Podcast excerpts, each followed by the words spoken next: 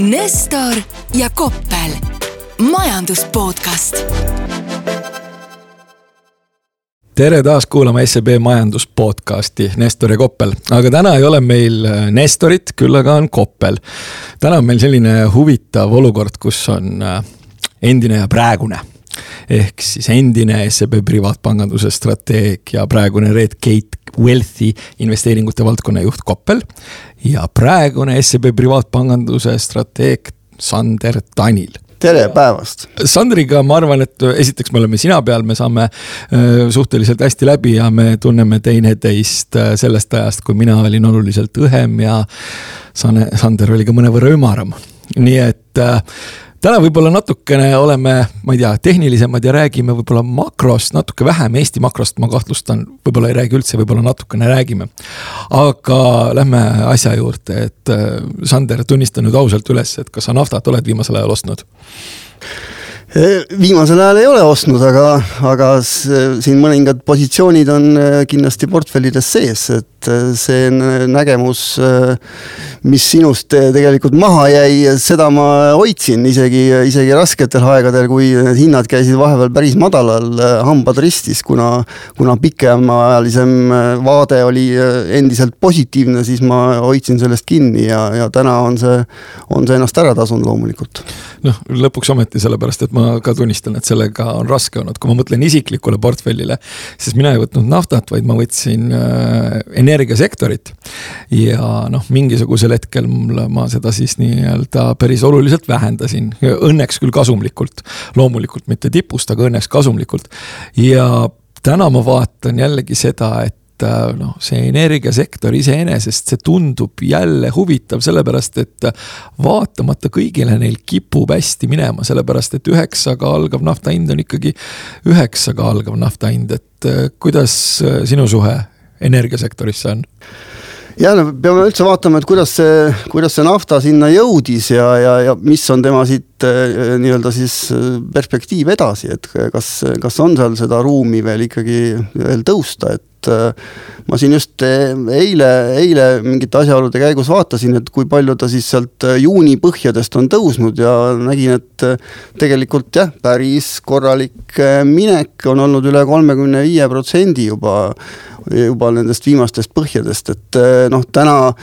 paljud turuosalised eh, ikkagi räägivad, et eh, noh, sada ei ole mingisugune teema, et, et see võetakse ära, aga samas nagu kõik, eh, kõik ka ütleme siis panevad välja sellised väiksed hoiatuslipud, et, et noh, mitmed faktorid räägivad ka sealt edasise tõusu vastu. et, et võib-olla, võib-olla see sada võetaksegi ära, aga aga sealt edasi see tõus on juba oluliselt keerulisem just äh,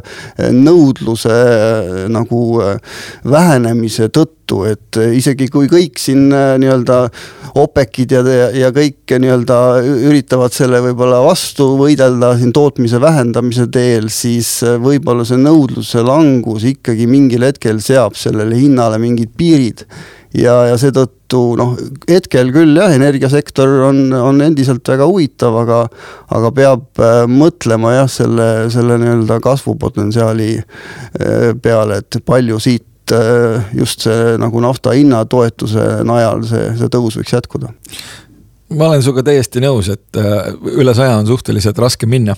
kui ma nagu ise seda teemat vaatan, siis äh, noh, minu jaoks see peamine nagu komponent on see, et Saudidele meeldib raha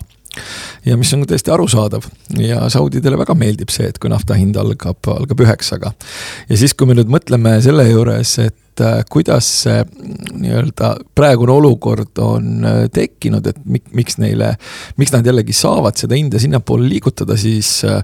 noh, teatavasti kunagi oli Ameerikas selline president, keda nimetati suureks oranžiks ja siiamaani nimetatakse noh, ta võis meeldida või mitte meeldida, aga tema ajal vähemalt siis nagu Ühendriikide naftapoliitika oli selline, et ta oli selline fossiilisõbralik. ta võttis hästi odava hinnaga Ühendriikide strateegilise reservi täis ja siis, kui tuli äh, mm, uus äh, vanahärra äh, Valgesse Majja, siis enam fossiilisõbralikud ei oldud, nüüd on strateegiline reserv tühi ja Ühendriigid ei ole siis enam nii-öelda selline tootja tootja, kes saaks hinna üle otsustada. ja noh, nüüd on siis jälle põhimõtteliselt igasuguste värvikate tegelaste käes see hinna üle otsustamine. mis aga energiasektorit puudutab, siis noh, ma olen täiesti nõus selle nafta Äh, sellega, et noh, et ega need saudid võivad nüüd ahned olla, aga, aga ega neile ilmselt meeldib see üheksakümnene hind äh, ka juba päris hästi ja võib-olla ka natukene üle sajane hind meeldib päris hästi, aga, aga nad ilmselt ei taha kuidagi endale ka selles mõttes jalga tulistada, et, et äh, noh ütleme, mingisuguselt hinnatasemelt tuleb võib-olla no, ka juba natukene pakkujaid juurde ja hakatakse investeeringuid tegema ja siis nad üritavad seda siis niimoodi peenhäälestada, aga kui ma mõtlen. vaatame sellest hinnasurve poole pealt siis jah, et noh, need, kes räägivad, et okei okay,, hind võiks nagu veel edasi tõusta, need räägivad põhimõtteliselt siis äh, suures, suures plaanis nagu kahest elemendist on, üks on siis see, et et OPEC-il noh, on praegu kärped, on ju, ja tulevad veel järgmisel aastal täiendavad kärped, ehk siis, ehk siis nagu siis see lühiajaline tootmise kärpimine ja siis muidugi pikaajaliste tootmisvõimsuste vähenemine. ja täna siis veel lisaks on see, et jah, et kõik räägivad sellest, et need kõikvõimalikud reservid on hästi madalal tasemel, et USA on, USA on oma reservi siin Covidi käigus ja kõrgete hindade käigus nii oluliselt vähendanud, et kui ta nüüd täna otsustaks, et okei okay,, hakkame uuesti oma strateegilist reservi nii-öelda äh, uuesti koguma ja kasvatama, et see viib selle hinna veel rohkem üles ja hoiab seda nõudlust üleval, aga nüüd minu mure on pigem nagu selles, et me oleme täna jõudnud minu arust selle nafta hinnaga juba sellisesse punkti, et ta hakkab uuesti nagu mõjutama meie nagu inflatsioonilisi trende, noh et ta hakkab uuesti jõudma nii headline inflatsiooni kui ka siis nagu alusinflatsiooni just nagu tootmissisendite eh, kulude kasvu näol. Ja see kindlasti ei meeldi nagu siin suurtele keskpankadele ja valitsustele ja, ja seda üritatakse kindlasti nagu vältida, et, et nüüd on küsimus jah, et kas kas siis nagu poliitikud üritavad kasutada oma mõjuvõimu kasvõi OPEC-is, et kuidagi uuesti, uuesti nii-öelda mõjutada Saude kasvõi naftakraane avama või mingeid muid meetodeid, aga, aga edasine tõus on kindlasti väga paljudele nagu vastumeelne. täiesti nõus ja ka noh, minule, ma sõidan autoga, ma tunnistan ausalt öeldes, mul on ka see vastumeelne, aga üldse ei meeldi, minu arusaam sellest, kus kütuse hind peaks olema, on kuskil kolmkümmend protsenti protsenti allpool, kui ta praegu on. aga noh, see on minu isiklik probleem. aga ma lihtsalt mõtlesin selles kontekstis, et kui seda teemat nüüd natukene koomale tõmmata, et tegelikult ju energiaettevõtetel läheb ka selle üheksakümnese naftaga päris hästi no,. Neil tuleb nagu korralikult raha sisse. kindlasti tuleb jah ja,. ja kui sa nüüd ütle, üritad mingisugusele sektorile mõelda, mis võiks olla nagu huvitav, siis noh noh, ma ei oska praegu väga palju mingisuguseid muid sektoreid just nimelt sellises klassikalises fundamentaalses mõttes leida, mis, mis hirmus huvitavad, huvitav oleks. aga väga hea, et sa kusjuures inflatsiooni ära mainisid ja ja, ja, ja ka see, et see keskpankadele ei meeldi, et noh, noh, Euroopast tuli ju uudis, et eelmisel nädalal, et, et jällegi tõsteti nagu baasintressi ja kõik, kellel on kodulaenud, on nüüd ju, on jube õnnetud ja. ja mõned leiavad, et, et see kõik on läinud sinnamaale, et nüüd tuleks pankadelt kogu kasumm ära võtta. et mis sa arvad, äh, oli siis nagu Euroopas selle tsükli viimane intressi tõstmine või ei olnud? Mina ausalt öeldes ise uskusin, et juba isegi seda tõstmist äh, nagu võib-olla ei tule või noh, et, et see on väga selline kahtlane, aga ikkagi tuli, kuna need noh, sõnumid olid ka eelnevalt sellised antud ja, ja ma usun, et äh, keskpanga usaldusväärsus juba nõudis seda, et et, et noh, peame selle ikkagi nagu ära tegema, aga, aga noh, täna ma vaatan siis nende tuletistehingute põhjal arvutatud tõenäosusi, siis noh, tundub, et tõesti, see oli selle tsükli viimane ja, ja nagu rohkem ei tule ja ja noh, pigem kui ma vaatan nagu majandusseisu ja siis neid tõenäosusi kombineerituna, siis eh, noh, ma näen tõesti väga noh, väga väikest võimalust, et, et see, et mingisugune edasine tõus nüüd keskpanga baasintresside puhul oleks realistlik, kui nüüd jah, ei tule mängu jälle mingisuguseid uusi, eh, uusi huvitavaid elemente, mida me võib-olla siin kohe ei näe, nagu mingi jah, uus energiahindade hüpe siin talveperioodil või, või mingid muud defitsiidiprobleemid eh, mingis asjas, et et eh, kas või jah, mingisugune toidu, toidukriis eh, laienemas või, või selline teema, et eh, siis, siis jah, ütleme vaadates majanduse majanduse nõrka seisu Euroopas, siis, siis see, see, et hetkel on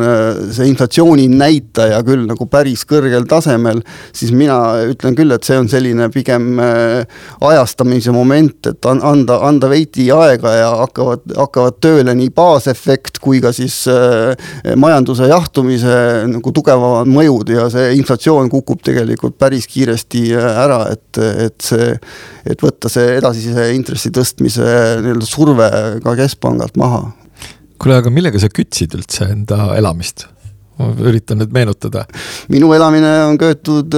keskküttega ja ma arvan, et see on köetud gaasiga. ja no mul, saad sa gaasi hinda fikseerida või ei saa? ei saa no kuidas nüüd öelda, mina ka nagu ise päris ei saa, aga mul nagu majaomanik saab ja tema igal juhul fikseeris gaasi hinna ära, et et äh, noh, kuidas nüüd öelda. see talv hüppab ka gaasi hind sarnastesse kõrgustesse nagu eelmisel aastal, hoolimata sellest, et kõikvõimalikud tünnid, äh, kellel mingigi väike anum on, on, on gaasi nii täis pandud, kui vähegi saab ja, ja, ja kõikidesse äh, vabadesse sadamatesse on ehitatud uued LNG, LNG nagu terminalid, et, et kui vähegi,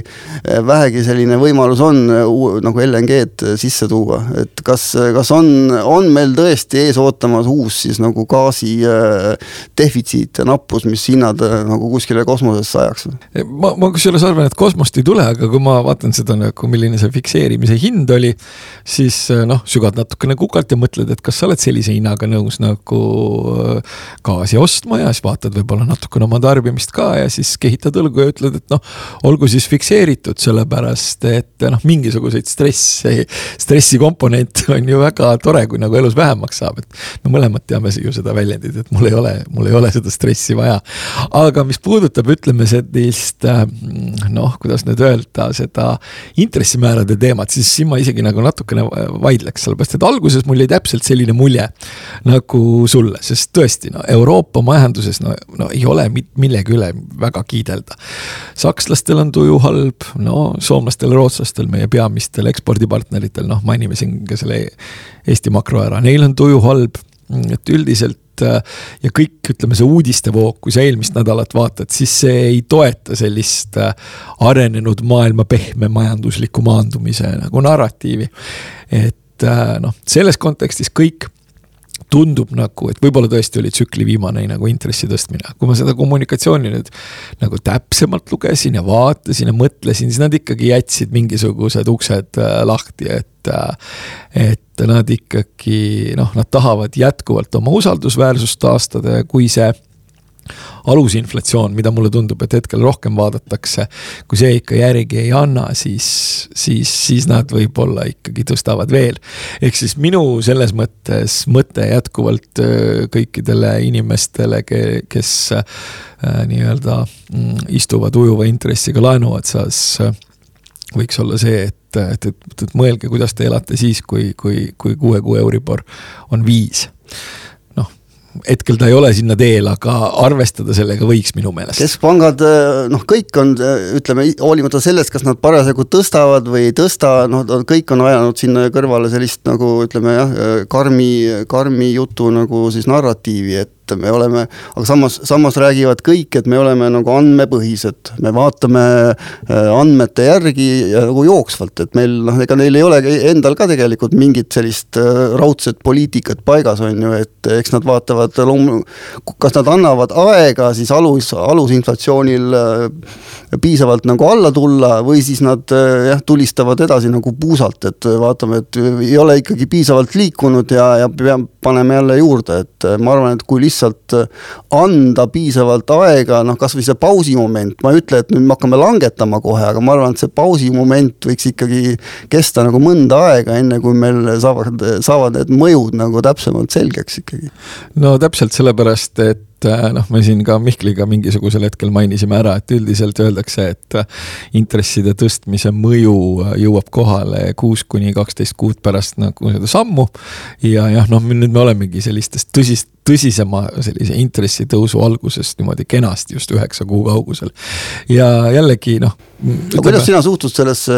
higher for longer nagu narratiivi, mille, mille me kogu aeg siin nagu räägime, et või noh, mida turud siis üritavad nagu rääkida, et, et intressid püsivad kõrgemal kauem, kui me arvame, et, et kui sa vaatad nüüd noh, intressi deri-, derivatiivide turgu, siis millegipärast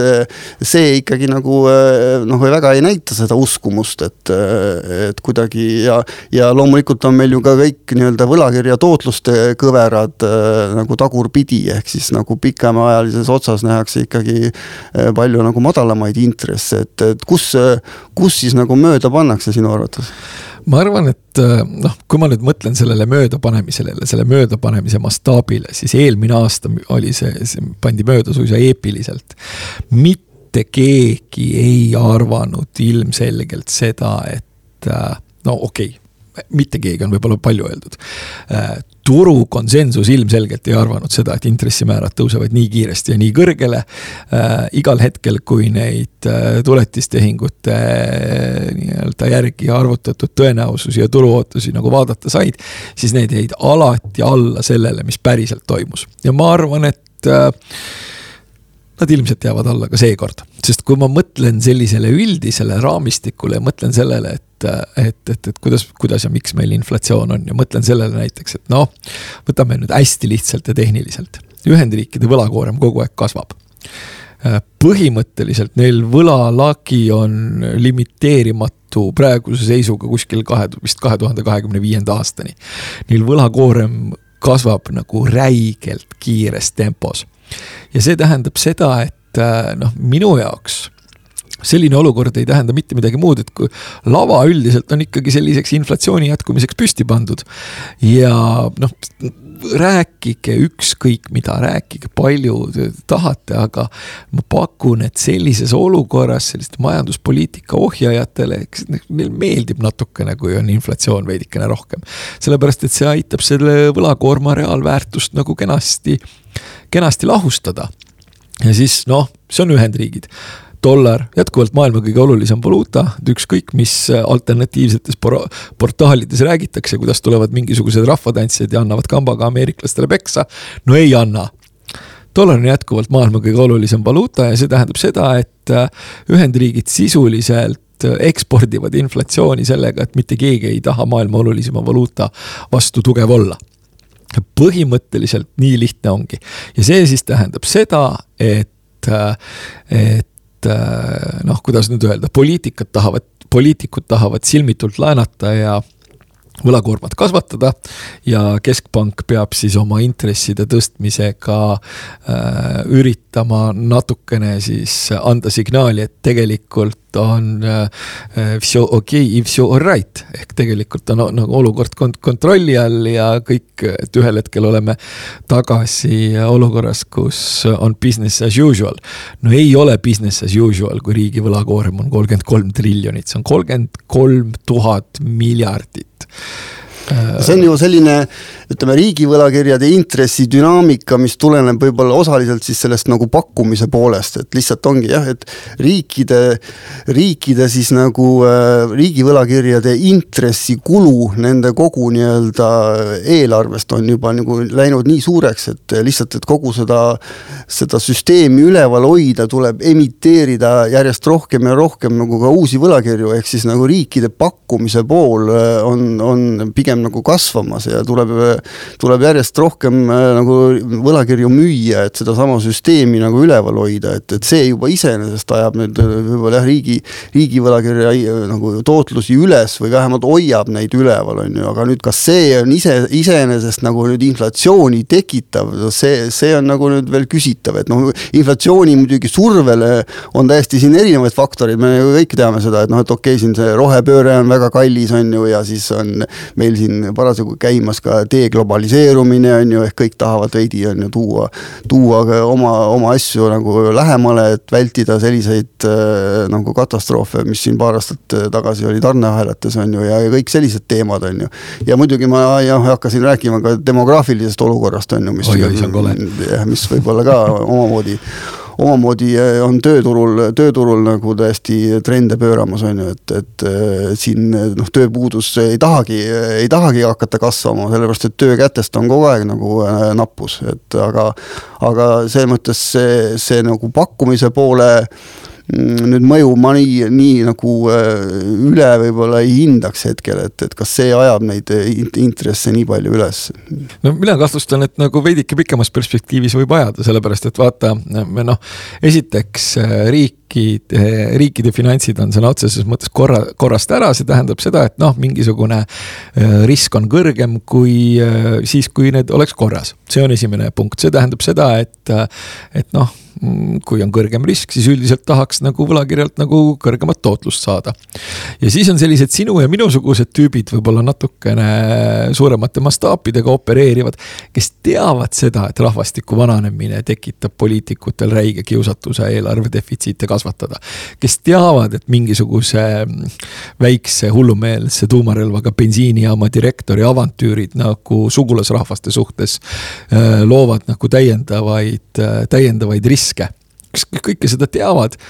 ja nad noh, nad lihtsalt leiavad, et sellises keskkonnas tuleb nõuda kõrgemat äh, kõrgemat tootlust sellel, mida, mida siis riik pakkumas on. selleks, et äh, see, see pakutav nagu mingilgi moel atraktiivne oleks. aga üritame selle nüüd ja. kanda siis finantsvaradele üle, et, et ütled, et okei okay,, intressid, noh, see kõrgemal, kauem, et see on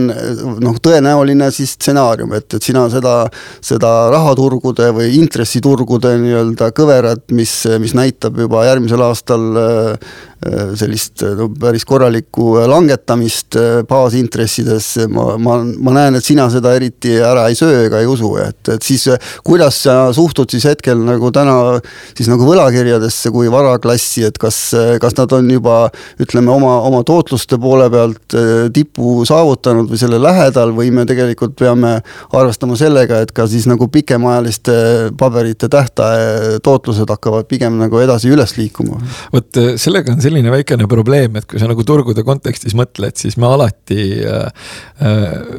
noh, ma arvangi, et selles, ka selles meie podcast'is olen piisavalt palju ka Nestorile sügavalt silma vaadanud ja öelnud, et turg käitub alati nii, et võimalikult paljudel turuosalistel oleks võimalikult valus. ja see tähendab seda, et äh, noh oletame, et isegi neil, kes spekuleerivad selle peale, et intressid äh, sellepärast, et majandussurutis tuleb, äh, tulevad, äh, tulevad allapoole, eelkõige nagu riigivõlgade puhul ja, ja seetõttu siis, et, et institutsionaalsed investorid tahavad nagu riske vähendada. aga noh, need, need taustapõhjused, see suur, suur nii-öelda võlakoorem ja kõik see, et see jääb ju tegelikult, tegelikult alles. seda liigset liikviidsust süsteemis on jätkuvalt, et, et üldiselt ma siiski leian, et, et see kauem ja, ja, ja pikem ja, ja, ja, ja kõrgem, et see on selline asi, millele ilmselt on paremaid argumente võimalik leida. kui see, et ühel hetkel meil on jälle eu, e, Euribor null koma üheksa ja kõik võtavad, tantsivad Tallinna kinnisvaraturu ümber kaerajaani. et et jah. sellisest tasemest mina kindlasti ei räägi, et ma ei räägi, et nad tuleksid kuidagiviisi alla sellistele tasemetele, mis nad olid siin kaks aastat tagasi, aga ma räägin, et et kas tänane on selline tipp, kust nagu ütleme, paari aasta perspektiivis võiks seal ütleme üks koma viis või kaks protsendipunkti näiteks nagu baasintressides äh, alla tulla, et siis noh, ka võlakirja tootluste kõver keeraks ikkagi õiget pidi nii-öelda, mis on vastavuses tavalisele majandusloogikale, et et pikema otsa intressi eest maksadki või noh, ongi kõrgem, kuna, kuna risk on, risk on suurem ja maksad ka ajapreemiat no ma kahtlustan, et meil sellist, võib-olla sellist tavapärase finantsloogika juurde naasmist ei pruugi veel päris,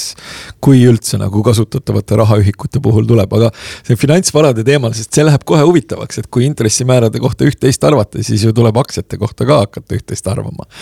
ja noh, minule tundub, et äh, me jõuame jälle sellisesse olukorda ja juba tegelikult oleme jõudnud, et kus meil noh kasvufaktoriga ettevõtted ei toimi nii hästi kui väärtusfaktoriga ettevõtted. ja siin tekibki küsimus, et kus kohas tõusvate intresside kontekstis üldse oma siis nii-öelda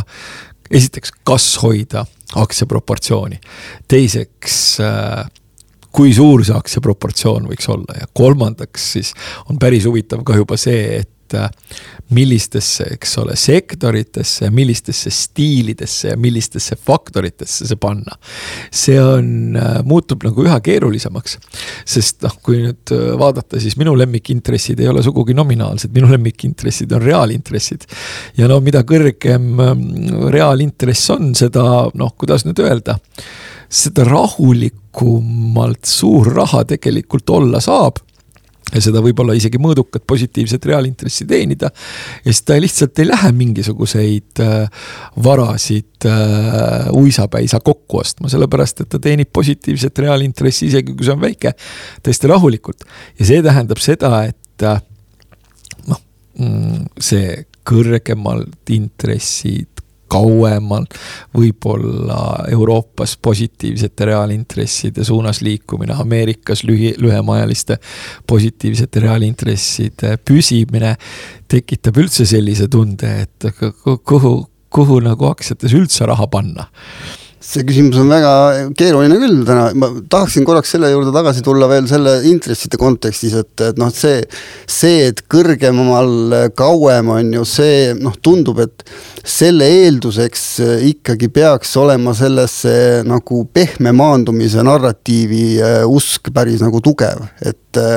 et noh, siin me, siin me peame ikkagi vist tegema ka nagu mingi regionaalse erinevuse, et, et noh, okei okay,, kui täna täna noh, keegi räägib, et, et USA-s tuleb pehme maandumine on ju noh, või noh, ütleme sinna noh, nulli lähedale ja, ja midagi hullu ei juhtu, siis ma nagu olen nõus selle nagu ma äh, ära ostma, see, see noh, tundub hetke, hetketrendide ja kõigi näitajate baasil nagu enam-vähem usutav kui nüüd vaadata nagu, et Euroopas tegelikult ennustatakse ka nagu suhteliselt pehmet maandumist, et väga, väga, nagu sujuvalt peaksime me sellest läbi voolama, siis noh, seal mul sellist kindlust küll täna ei ole, et, et samas noh, see ongi see, et et selle, need intressid tõenäoliselt äh, jah, püsivad äh, kõrgel kauem, kui me räägime Euroopast, sel juhul jah, kui Euroopa nagu suudab ka väga sujuvalt ikkagi selle läbida, aga ma kardan, et, et me täna täna ikkagi äh, kuidagi alahindame seda noh, Euroopa võib-olla ka sellist majanduslikku surutist, aga samas noh, ma nüüd tulles nüüd aktsiaturgude juurde, siis selles kontekstis tegelikult ma, ma usun, et, et äh, nii näiteks äh, Euroopa puhul ja mis puudub, puudutab ka näiteks Aasiat, siis, siis millegipärast on aktsiaturud hinnanud nagu sisse üpris nagu negatiivsed stsenaariumid, noh, ütleme nii, et oodates siis palju nagu hullemat või, või halvemat lahendust ja ka, aga kuidagi nagu siuksed väga väga pika, pikaajalised äh, USA optimistid äh, nagu täna äh, hindavad nagu vastupidiselt USA-s, USA aktsiaturul sisse sellised väga positiivse lahendusega stsenaariumid, et mitte isegi võib-olla me ei räägi, räägi pehmest maandumisest, vaid me räägime siis üldse mitte maandumisest, et et majanduskasv ei kukugi sinna no võib-olla sinna nulli ligidale ja, ja jääb nagu päris korralikule tasemele ilma, ilma midagi midagi nagu äh, ärevat korraldamata, et äh, siin, äh, siin ma noh, tahaksin selle hinna, selle ootuste erinevuses tuua just selle välja, et, et, et selle selle tõttu on, on kuidagi need fundamentaalsed erinevused turgude hinnastamises läinud minu, minu arvates täna nagu liiga laiaks, mis puudutab, siis puudutab seda vahet Äh, siis näiteks USA ja Euroopa aktsiates? no ei, tegelikult on loomulikult läinud, läinud liiga laiaks. aga noh, siin ma mõtlen ka sellele, et siin on, meil on keegi, kelle puhul me saame võib-olla rääkida pehmest maandumisest, see on Ühendriigid. ja siis meil on Euroopa, mille puhul noh, mina ütleks, et noh, ma olen ka näinud igasuguseid arusaamasid, kus hakatakse rääkima, et kohe varsti hakkab paremaks minema ja seal on lihtsalt üks äh, selline huvitav komponent, et kõik, kes räägivad, et kohe hakkab paremaks minema, need kipuvad olema kangesti mitte erasektori arvajad. kui erasektorist arvatakse, siis kellelgi ei ole sellist tunnet, et kohe peaks hakkama paremaks minema. teine selles mõttes nõrk lüli on äh, Hiina ja siin ma noh, ütlen, suunan podcast'i kuulajad kohe nii-öelda, ma ei saa öelda konkurendi juurde, aga millegi juurde, mis minu meelest on väga väärtuslik. Äh, võtke see aeg ja kuulake Kuku raadio välismäärajat, kus siis äh, Neeme Raud äh, küsib meie saadikut Hiinas, Hannes Hansot. see on ülihea saade ja saab üldiselt kohutavalt hästi aru sellest, et millised on siis nii-öelda Hiina struktuursed probleemid ja kuidas, kuidas see ühiskond ja kuidas see majandus seal üldse toimib. või siis ta, see, või siis kui nüüd aus olla, siis tänasel päeval nagu ei toimi, ei toimigi nii hästi. et sealt see nõudluse äralangemine võib olla selline asi, mis tegelikult seda globaalset majandust veel nagu natukene nõrgestab, nii et. Äh, kus siis on need aktsiates need kohad, kus siis äh, võiks täna siis üldse veel olla, kui, kui ütleme noh, et olla, olla küll ka näiteks kasvõi alakaalus, siis ütleme, või võtta, võtta siis tavapärasest jah, väiksemaid riske aktsiates, aga, aga mõni, mõni koht ju sul on ka kindlasti, mida sa, mida sa arvad, et võib-olla on täna ka huvitav lisaks energiasektorile nagu. ja no ma arvan, et see nii-öelda see value factor või väärtusaktsiad, et need teevad üldisele turule ja eriti, eriti kasvufaktorile sellisele, sellises keskkonnas ära. Äh, aga see ei tähenda seda, et ma arvaksin, et nad äh, noh, kuidas nüüd öelda, et nad selle kõige juures võiksid ka kena plussi toota. aga tead, mis on juhtunud? juhtunud on see, et äh, kui me edasi räägime, siis me tüütame inimesed ära. nii et mina olin Koppel, minuga ei olnud Nestor, minuga oli Tanil ja mulle tundub, et oli üks hariduslik saade ja läks päris dünaamiliselt ja noh, ütleme, kui Nestor jälle puhkab, siis minul ei ole küll midagi selle vastu, et veel Sandriga rääkida. tänan, et sa mind siia kutsusid, ma saan aru, et ma olen äh, selline varumees siin, äh, kui nagu sinu, äh, sinu õige peigmees on puhkusel siis, siis sellegipoolest oli väga tore siin olla ja, ja loodetavasti suutsin ka mõne, mõne asjaliku täislause moodustada, aitäh. super ja kuulake seda Välismäärajat, järgmise korrani Nestor ja Koppel, majandus podcast